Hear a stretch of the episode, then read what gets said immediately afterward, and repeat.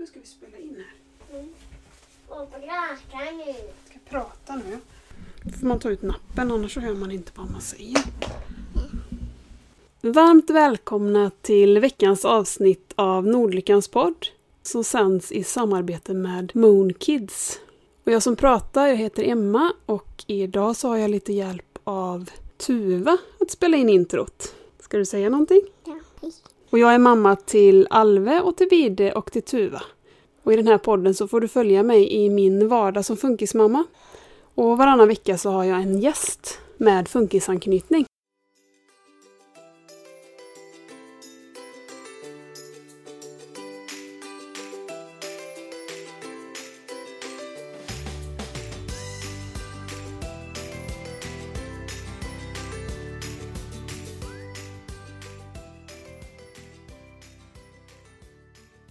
Och Moonkids de erbjuder goda, mjuka och tuggbara vitaminer för barn. Och de finns i fem olika varianter. Mm. Och det är multivitamin, D-vitamin plus kalcium, C-vitamin plus zink, fiskolja med omega-3 och vitamin plus mineral. Och ett kosttillskott kan aldrig ersätta en allsidig kost, men det kan ju finnas tillfällen när man känner att man vill vara säker på att ens barn får i sig det som kroppen behöver. Och D-vitamin plus kalcium är speciellt för barn som inte äter mjölkprodukter. Om det är D-vitaminet man är ute efter så ska man använda en multivitamin. Öppna allihopa. Vi öppnar allihopa. Ja. Och vi får faktiskt gömma dem långt upp i ett skåp för att annars så hade de nog ätit upp hela burkarna. De tycker att de är jättegoda. Så att jag behöver inte heller komma ihåg de här vitaminerna för att barnen påminner oss. Gillar du det? Tack så mycket Moonkids.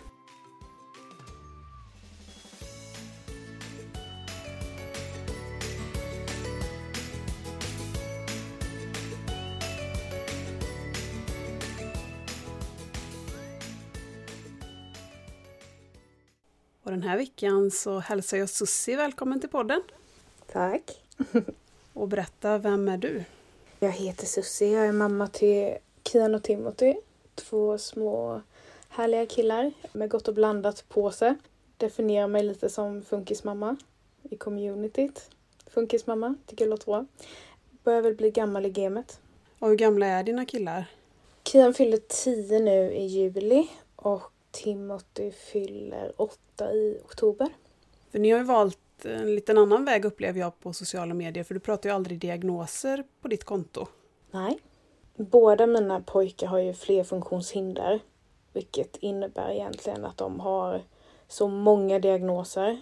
Att definiera alla är nästan omöjligt utan det blir istället typ en, en blandad eh, bild. Där inte diagnoserna egentligen i sig tycker jag spelar så himla stor roll.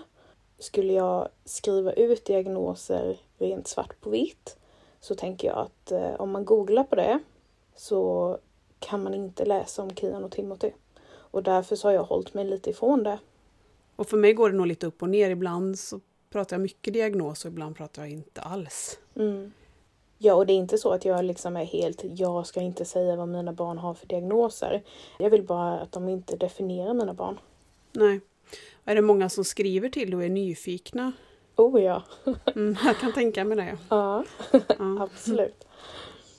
Båda mina grabbar har ju samma grunddiagnos och den är så sjukt ovanlig och den säger egentligen ingenting om hur livet blir med den diagnosen. Och allt annat sen är bara tilläggsdiagnoser och det brukar jag kalla för gott och blandat påsen. Det trillar in något ungefär varje gång man är hos läkaren.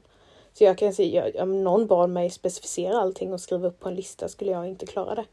Nej, det blir så komplext. Ja, det är så mycket och sen så de stora delarna är oftast så grava på grabbarna att de passar liksom inte riktigt in i diagnosbeskrivningen heller på just de diagnoserna utan det är alltid ett snäpp värre liksom. Känns det som. Mm. För de är ju väldigt lika dina killar. Men hur är de i sina personligheter? Nej, de är jätteolika. Jag kan förstå att om man möter oss på stan eller man är inne på min Insta eller ser ett foto liksom att man tycker att oj, de är nog typ tvillingar. Men de är jätteolika både i sin diagnosbild och i sin personlighet. Även att de egentligen har liknande godispåse med gott och blandat. Och det är också ganska spännande.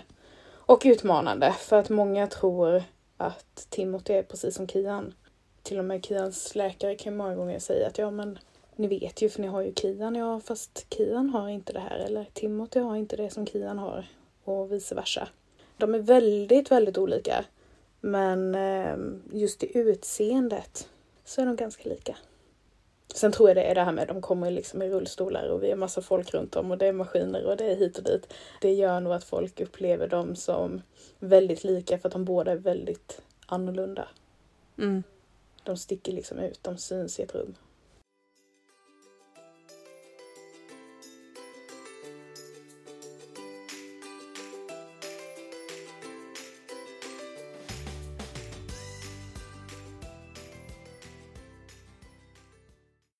Som jag har förstått det så jobbar ni som assistenter båda två till era barn.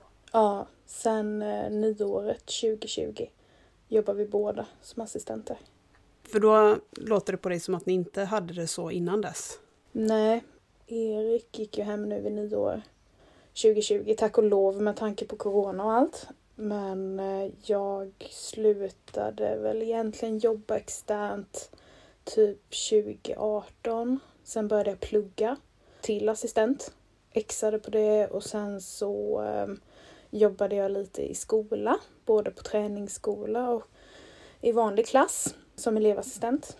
Men sen så, ja, egentligen var det att eh, vår ena grabb skulle opereras och vi skulle ha åtta veckors sjukhustid och eh, då kände jag att då vill inte jag vara den elevassistenten som eh, fick en vikarie. Det skulle bli så himla dumt för den eleven som jag jobbade med. Så då valde jag att säga upp mig. Och efter det har jag inte gått tillbaka. Nej. Och vad var det för utbildning du gick? Jag läste personlig assistent och elevassistent. Okej, och vad är det för typ av... Det är folkhögskola. Ja, nej, jag har inte hört om det innan så det är lite spännande. Nej, det finns inte på sådär jättemånga ställen men vi har lite tur att det finns en precis ganska nära där vi bor. Och sen går de på eh, halvdistans. Så vi hade obligatoriska närträffar typ en helg i månaden och resten var hemarbete. Vilket passade mig perfekt i och med att jag har väldigt svårt att lämna huset. Mm. Och tyckte du att utbildningen var bra? Ja, ja, absolut. Jag önskar att alla som jobbade inom assistans faktiskt utbildade sig till assistent. Och det hade ju varit ett sätt att höja statusen på yrket också. Oh ja, absolut. Och jag kände väl lite sådär att jag insåg väl att jag kommer inte vara kvar på, på jag har ju varit på, alltså på industri typ tio år inom det. Och eh, det är verkligen inte min grej. Men jag var lite rädd för att sluta för jag tänkte att ingen kommer någonsin att anställa mig med mitt liv liksom. Och sen så bestämde jag mig för att göra det ändå. Och då ville jag, egentligen så ville jag läst men liksom assistans fast den andra delen, alltså att driva assistansen, lagar och regler och paragrafer och liksom allt sånt där som man måste ha stenkoll på. Men det finns ju liksom inga funkismammautbildningar. Så jag tänkte att jag hoppar på en eh, personlig assistentutbildning istället. Och på så sätt får liksom alla delar fast från det andra perspektivet. Och det var jättebra. Och driver ni er assistans själva? Nej, det gör vi inte. Eh, Nej. Vi har ett bolag som driver. Men eh, både Erik och jag är arbetsledare, samordnare, så vi är ju lite chefen under chefen om man säger. Mm.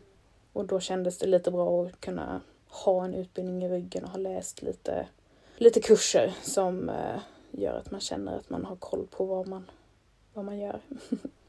Vi har ju pratat eh, lite om dig i podden innan om det här med roller, att hålla isär föräldraroll och assistansroll. Mm. Hur tycker du det funkar för er? Alltså jag är alltid Susie. Sen är jag såklart mamma och assistent och arbetsledare och bara en helt vanlig tjej också. Men i grund och botten har jag landat i att jag måste alltid, först och främst måste jag vara Susie oavsett vilken arbetsroll jag är i. Ett tag så försökte jag nog vara extremt professionell åt alla håll och kanter. Och det gjorde att, att jag som person försvann helt. Idag så förstår jag att det är svårt att se mig för att man vet kanske inte riktigt vilken roll jag kliver in i när jag går in i ett rum. Men eh, jag är bara Susie. Jag kan Mm. aldrig bli något annat. Oavsett vad det heter att jag är för tillfället. Mm. För mig är det en viss skillnad när jag gör sådana saker som jag inte hjälper lilla syster med. Mm. Alltså jag har ju, vi har ju inga fler barn.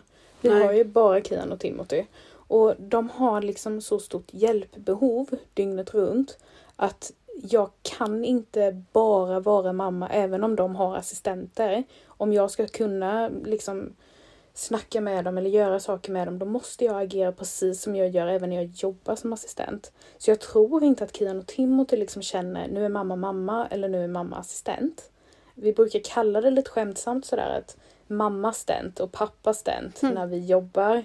Men eh, alltså när jag är assistent då gör jag exakt samma saker som de andra personliga assistenterna gör. Jag har exakt samma tidsramar.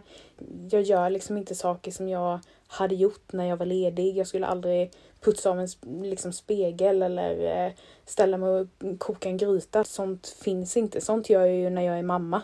Men eh, då är ju ofta inte Kian och Timothy med liksom. För mig så är det inte lika... Alltså kommer jag in till Kian och jag inte är assistent och så ser jag att han sitter lite dåligt i sin stol. Då justerar jag ju det och jag pratar med honom precis som jag, han behöver liksom. Det handlar ju egentligen inte så mycket om mig som person utan det handlar ju hela tiden om Kian och Timothy. Förstår du vad jag menar? Mm. Och det är mer skillnad i att när du jobbar så har du inte tid att göra till exempel hushållssysslor utan Nej, då är det fullt nej. fokus på assistans. Det är väl kanske en sån sak som jag kan reagera på att man jobbar som assistent hos sitt barn och så har man samtidigt syskon hemma som ensam vuxen. Jag trodde knappt man fick göra så om jag ska vara ärlig. Alltså jag hade aldrig kunnat ta hand om ett barn till medan jag är assistent. Aldrig. Det, alltså nej. Men det Nej. är olika också hur man har det och jag ska inte uttala mig om hur någon annan gör men jag kan säga att här hemma om vi hade haft ett barn till, nej det hade inte gått. Då hade jag endast kunnat jobba som assistent när det barnet i sådana fall hade haft barnomsorg eller varit skolan eller så. Mm. Det skulle absolut inte funka här. Så är det ju för oss också, för det är därför vi söker assistans från första början. För att Mm. vi inte kan hantera alla våra barn själva. Nej, och om vi precis. själva tar assistansen så blir det ju ingen skillnad. Nej. Eftersom vi har syskon till vide så här är ju Nej, extern precis. assistans absolut nödvändigt. Absolut. Såklart.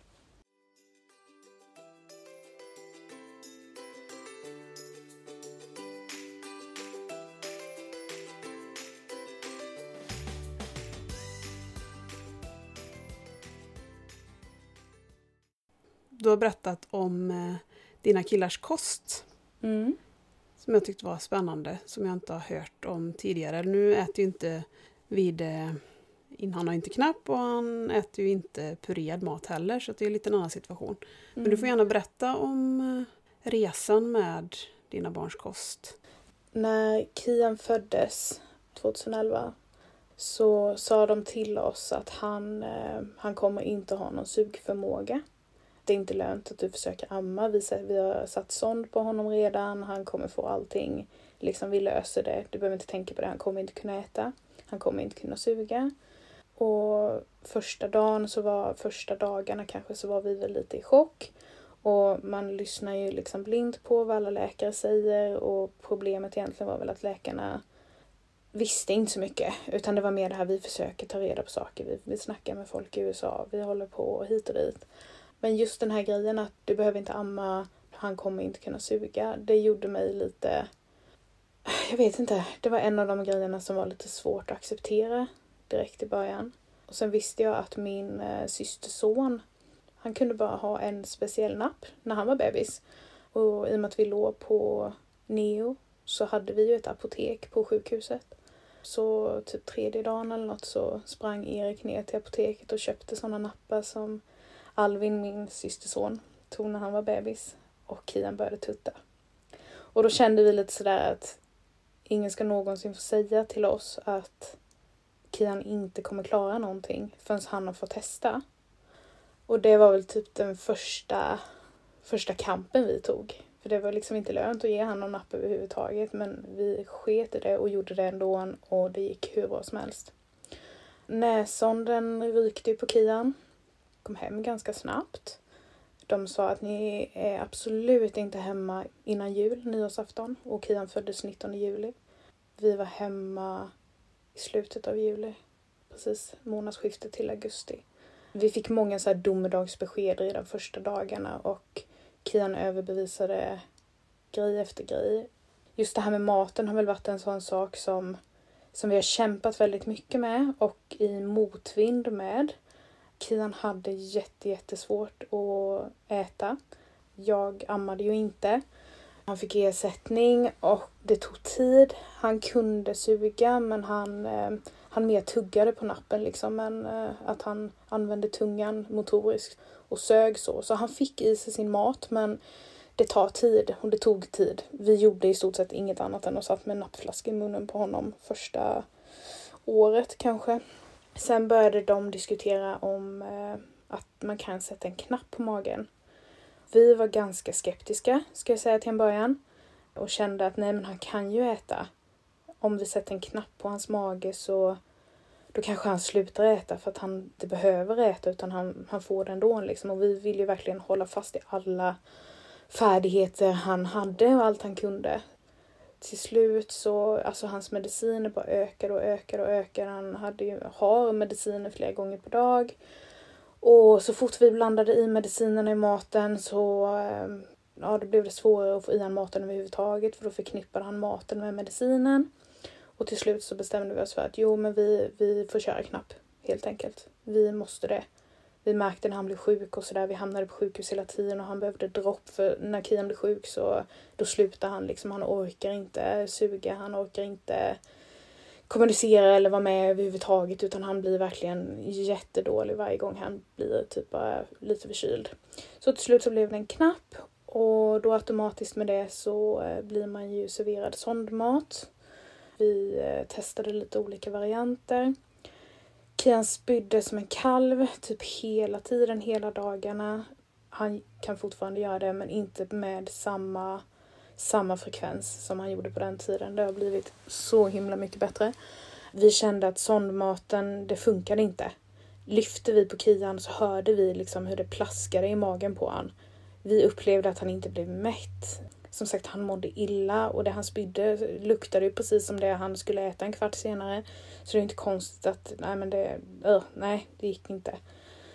Och sen var det en eh, nyårsdag, jag satt i soffan. Tror det var runt 2000, jag vet inte, jag har funderat på det där, jag kommer inte ihåg. Men typ mm. 15, 16 eller någonting. Och då var det ett eh, inslag om barnmaten som vi ger våra barn och då var det mycket så här pulvergrötor och ehm, burkmat och sånt där och hur lite näring det faktiskt är i det. Och jag bara kände att shit, och vi ger ju inte ens något med konsistens liksom. Vi ger bara den här sån maten. Så jag började googla alternativ. Vi bestämde oss ganska fort, jag och Erik, för att vi testar vi testar att ge typ joggi och sånt till knappen. Se om det funkar. Alltså sånt som ändå hade typ samma konsistens. Nyponsoppa, finmjölk, sånt. Funkade skitbra hade kontakt med två tjejer framförallt eh, som eh, hade övergått till mixad mat eller blended diet och eh, fick jättemycket råd från dem.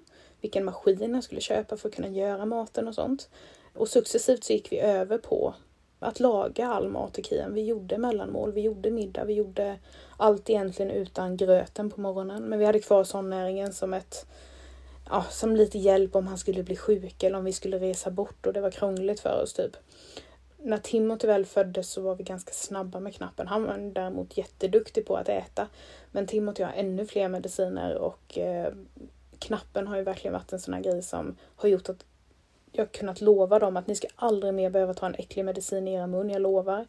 Vi kör alltid magen direkt. Det är hur bra som helst. Timothy fick sin mycket, mycket tidigare. Där var vi superpositiva redan från början för vi visste hur bra det var för Kian. Och idag så har vi inte en sån näring på recept. Alltså vi har inte använt sån näring på flera år. Vi har inga sådana substitut hemma överhuvudtaget. Vi är 100% blended diet här hemma och det är, tycker jag, det helt mest naturliga i världen.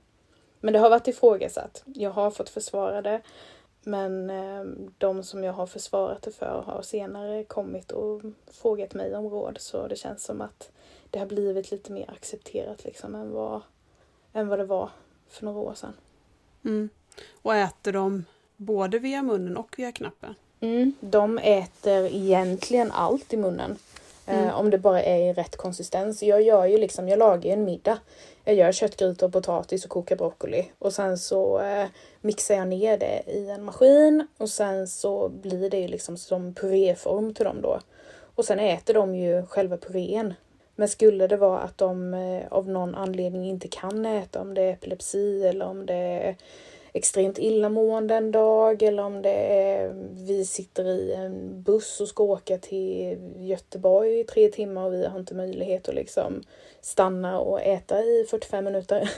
Då kan man ju köra samma mat i knappen och bara hälla i vatten i det och sen så eh, silar jag det. Jag kör det i en, alltså jag trycker det i en sil och sen så suger jag upp det med sprutan och så kör jag in det i knappen. Så eh, det mesta äter de, men däremot har de väldigt svårt för klara drycker. Så vatten och den stora vätskemängden, om man säger, får de i knappen.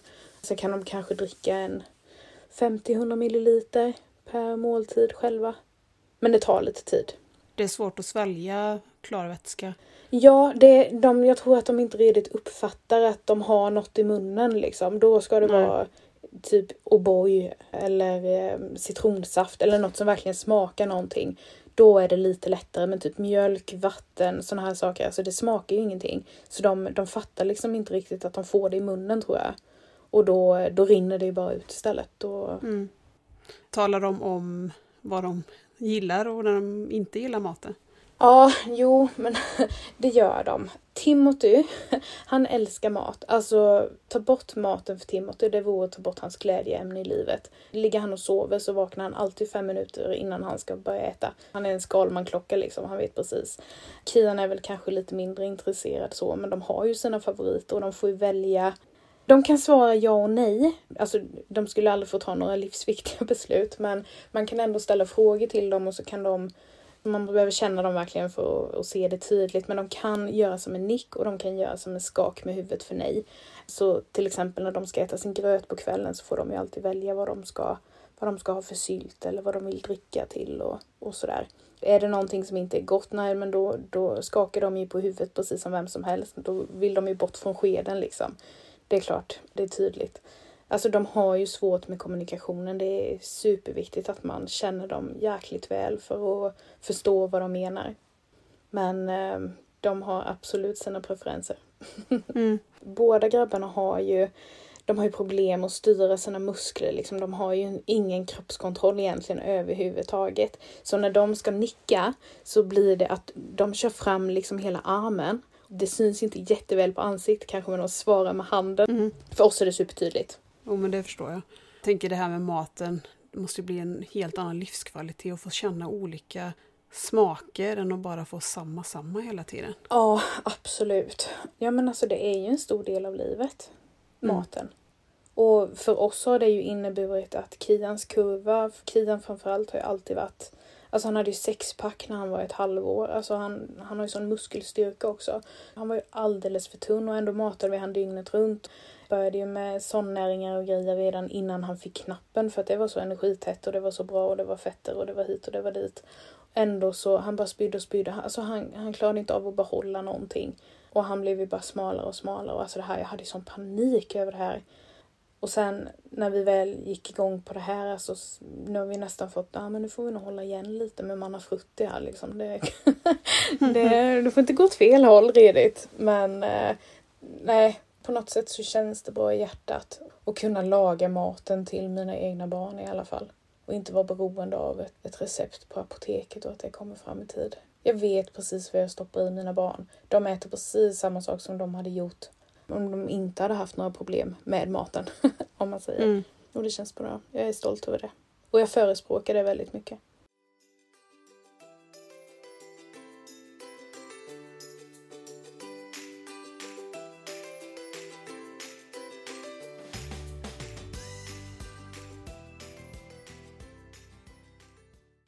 Jag gillar ju ditt konto väldigt mycket för jag upplever att ni försöker tänka utanför boxen. Mm. Alltså hela vårt liv är ju utanför boxen. Mm. Om man säger. Alltså det finns ju ingenting som vi gör som inte är utanför boxen. Vi måste ju anpassa allt. Jag eh, tycker det är väldigt viktigt att Kian och Timothy kan göra allt på sina villkor. Sen har jag fått börja acceptera att det finns saker som de inte kan göra längre. Men då kompenserar jag gärna det med att göra någonting annat. Mm. Det var en video som fastnade och då hade ni ställt något ståskal på en skateboard.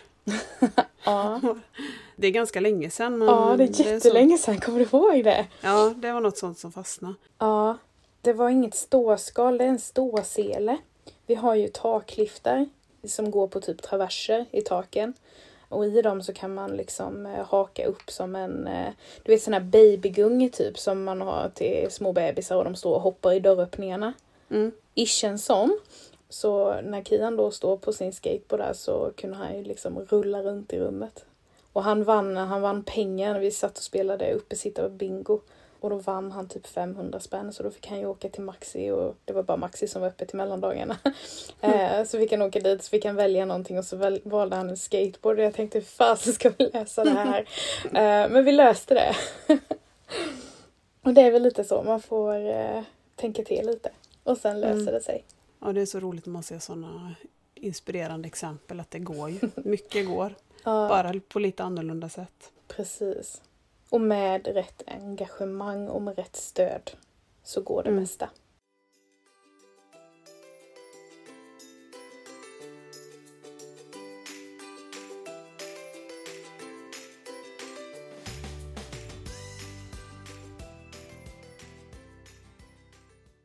Jag är väldigt mycket inne i det här med assistansen nu eftersom vi håller på med den processen. Mm. Så jag är väldigt nyfiken på hur man väljer att ha sina relationer till assistenter. För nu jobbar ni ju som assistenter själva så att de är ju också kollegor. Ja. Fast samtidigt är ni arbetsledare. Ja, jag vet. Vi har ju så himla många roller. Därför så känns det som att det är så viktigt att man i slutändan framförallt är helt sig själv hela tiden. Så att det inte krockar för mycket. Jag vet att vi har ett förhållningssätt till våra assistenter som vi kanske är ganska ensamma om att ha, har jag förstått. Vi har haft assistans nu i, oh my god, nio, åtta, åtta år kanske. Sju, åtta år i alla fall. Och vi har gått på lite nitar. Och därför så, ehm, jag vet inte, vi har väl någonstans landat i hur vi vill ha det för att det ska funka för oss. Men också hur det ska funka med respekt för assistenterna. Typ. Mm. Luddigt svar. Ja, något konkret som ni gör som andra inte gör. Nej men alltså vi har absolut inga privata relationer med våra assistenter. Noll. Jag har inte någon av barnens assistenter på Instagram till exempel. Jag har ett låst konto. Jag tar jättegärna emot nya följare men inte mina assistenter. Likaväl skulle jag aldrig någonsin skicka en vänförfrågan till någon som är anställd här hemma. Det är väl en sån grej som jag vet att det har diskuterats mellan mig och några andra funkismorsor. Alltså det är ju så himla olika med hur assistansen fungerar. Det är ju därför den är personlig. Jag tror och tänker att just med mina killar så är det så mycket vård i assistansen att just de här vardagssysslor och sånt där som, som många med assistans deltar i, det, det kan inte Kian och Timothy hjälpa till med av olika anledningar och därför så blir det lite uppdelat mer än vad det kanske blir för någon som bara har ett rörelsehinder eller någon som bara har en eh, intellektuell funktionsnedsättning. Här är det liksom ett så stort paket av allting att min vardag och pojkarnas vardag, den liksom kolliderar lite. Det är antingen eller ungefär. Och det låter jättetråkigt. Men för att få allting att funka så bra som möjligt för oss i vår assistans så har det varit en av grundstenarna lite. Mm. Faktiskt. vi hade kanske inte kunnat ha samma förhållningssätt om vi får assistans för Nej, den personen det. kommer ju vara i vårt familjeliv. Precis, mitt i familjen hela tiden och riktigt så är det ju inte här hemma. Nej. Utan här hemma är det nästan lite tvärtom, att pojkarna behöver ha sitt. Inte vara mitt i allt hela tiden. De har så himla fasta rutiner.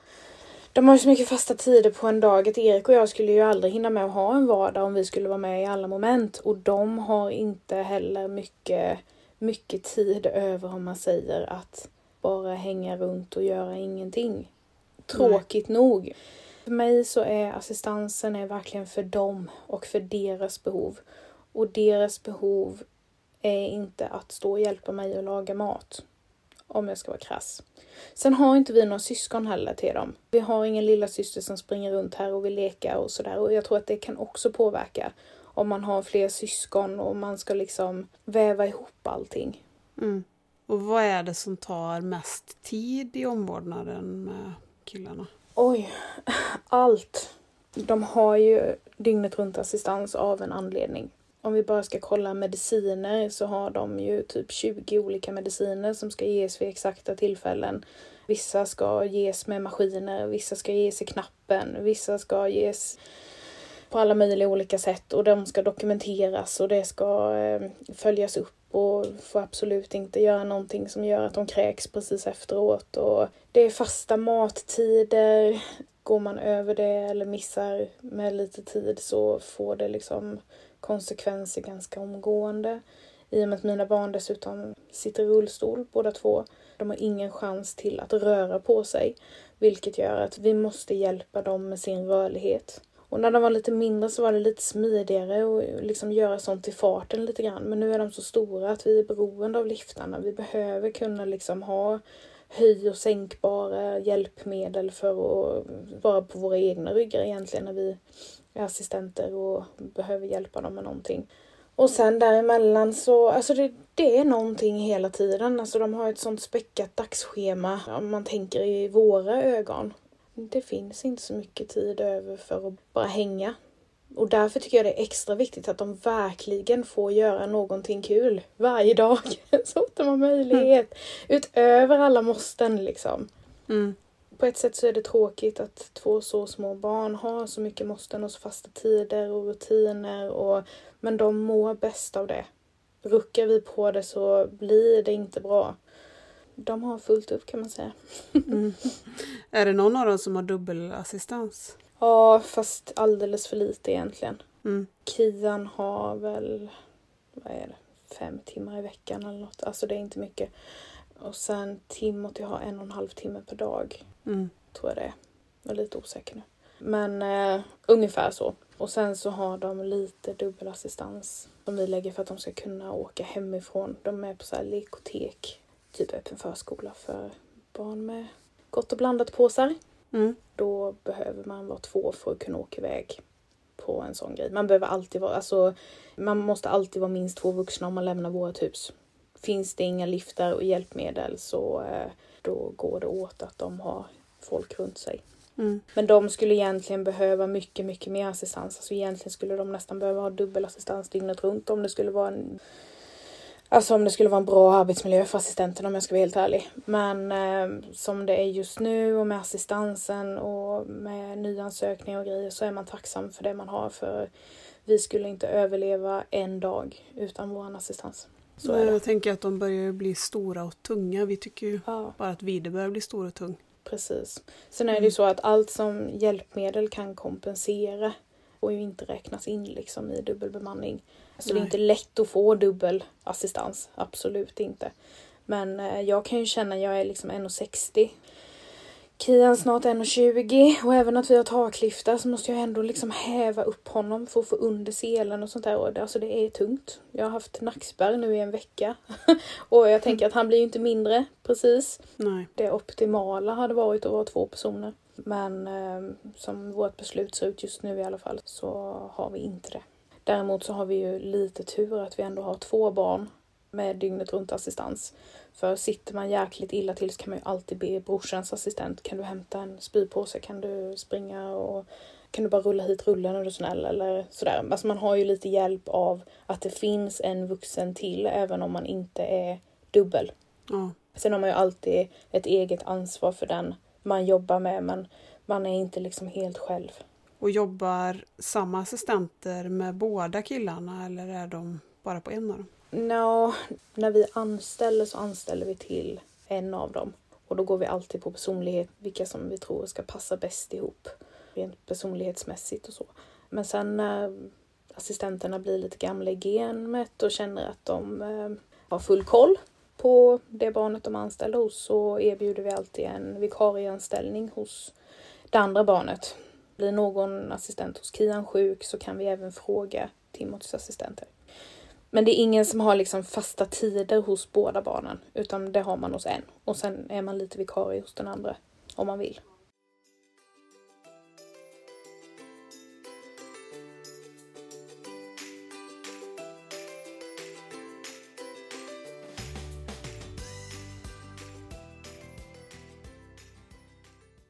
Det här ämnet som jag inte vet om du egentligen vill beröra. Det är ju det här att de inte går i skolan, någon av dina barn. Nej, det är de inte. Det är väl typ en stor sorg, tycker jag. Det har helt enkelt inte gått att få till på ett säkert och tryggt sätt för dem. Så de är inte i skolan, varken Kian eller Timothy. Eftersom det är skolplikt i Sverige så Har det varit en jäkla procedur. ja, det är inte bara att välja att de inte... Nej, nej, nej, nej, nej, så funkar det absolut inte. Och det här har varit liksom en process som har tagit två år kanske. Tills vi kunde komma fram till hur det skulle bli i slutändan. Och vår önskan var inte att de inte skulle gå i skolan. Vår önskan var att de skulle gå i skolan med det stödet de behöver. Men vi bor på en väldigt liten ort. Det finns inga möjligheter att liksom få välja skola eller utan det finns ett alternativ och det alternativet var inget alternativ. Nej. Anpassad studiegång är ju inte, det är ju inte en supersvår process ändå. Det hade vi inräknat från början att vi skulle ha och det var inte speciellt svårt, tyckte inte jag. Nej. Just den delen. Det var hela tiden tanken att typ kanske tre dagar eller tre timmar, två dagar i veckan till att börja med och liksom fasa uppåt och sådär. Det kan jag verkligen förstå att vissa barn behöver en anpassad studiegång om det går att få till och med föräldrars liv och allt sånt så tycker jag, jag tycker det är en fördel. Jag har själv jobbat också i skolan. Mm. Jag vet hur många lösningar som helst på det här med skola. Jag vet de som har haft hemskola, jag vet de som har assistans i skolan, jag vet de som har anpassad studiegång som sagt. De som bara är med i vissa delar och det finns ju alltid möjligheter. Huvudsaken är att man ser barnet och barnets behov och sen arbetar utifrån det liksom. Mm. Och sen är det ju alltid en fördel om det stödet man behöver finns att tillgå. Och det är ju kanske tyvärr inte alltid fallet. Vi hade ju ingen förskola alls. Nej. Man måste ju inte ha förskola inom särskolan. Och I vår kommun så har de valt att inte ha någon. Så vi blev ju tvungna att ansöka om uppskjuten skolplikt. Och det var smidigt, det var bara att skriva under ett papper i stort sett. För då var det ju något som skolan ville och kommunen inte erbjöd om man säger. När det sen skulle handla om pojkarnas behov så var det inte en lika lätt procedur kan jag säga. Men vi har ju haft mycket stöd av eh, habiliteringen framför allt. Även, eh, alltså vi har ju haft jurister och sånt inblandade i det här med för att allt skulle gå helt rätt till. Så eh, det är ju en process, helt klart. Mm. Och jag skulle inte ens kunna beskriva den processen för det var så långtgående och jobbigt om jag ska vara helt ärlig att jag tror att eh, många delar har jag bara tappat så fort det var klart. Mm. Men jag tycker det är lite, lite synd och lite tråkigt att det inte gick att få till det.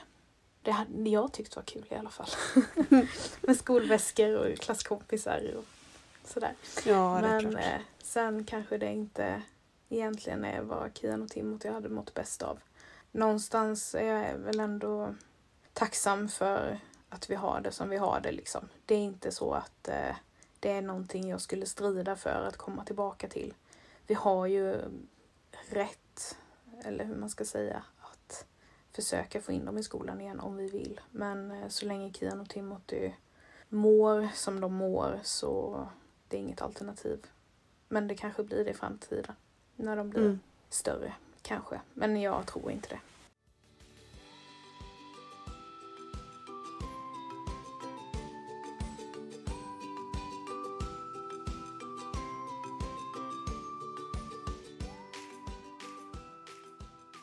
Tack så jättemycket för att du ville vara med och gästa och berätta. Ja, men tack själv. Det var kul. Ha det gott! Hej! Stort tack till alla er som har lyssnat. Glöm inte bort att du kan stötta podden genom att registrera dig på Nordlyckans sida på Patreon Nästa vecka är jag tillbaka tillsammans med Victoria. Till dess får ni ha det så bra. Puss och kram!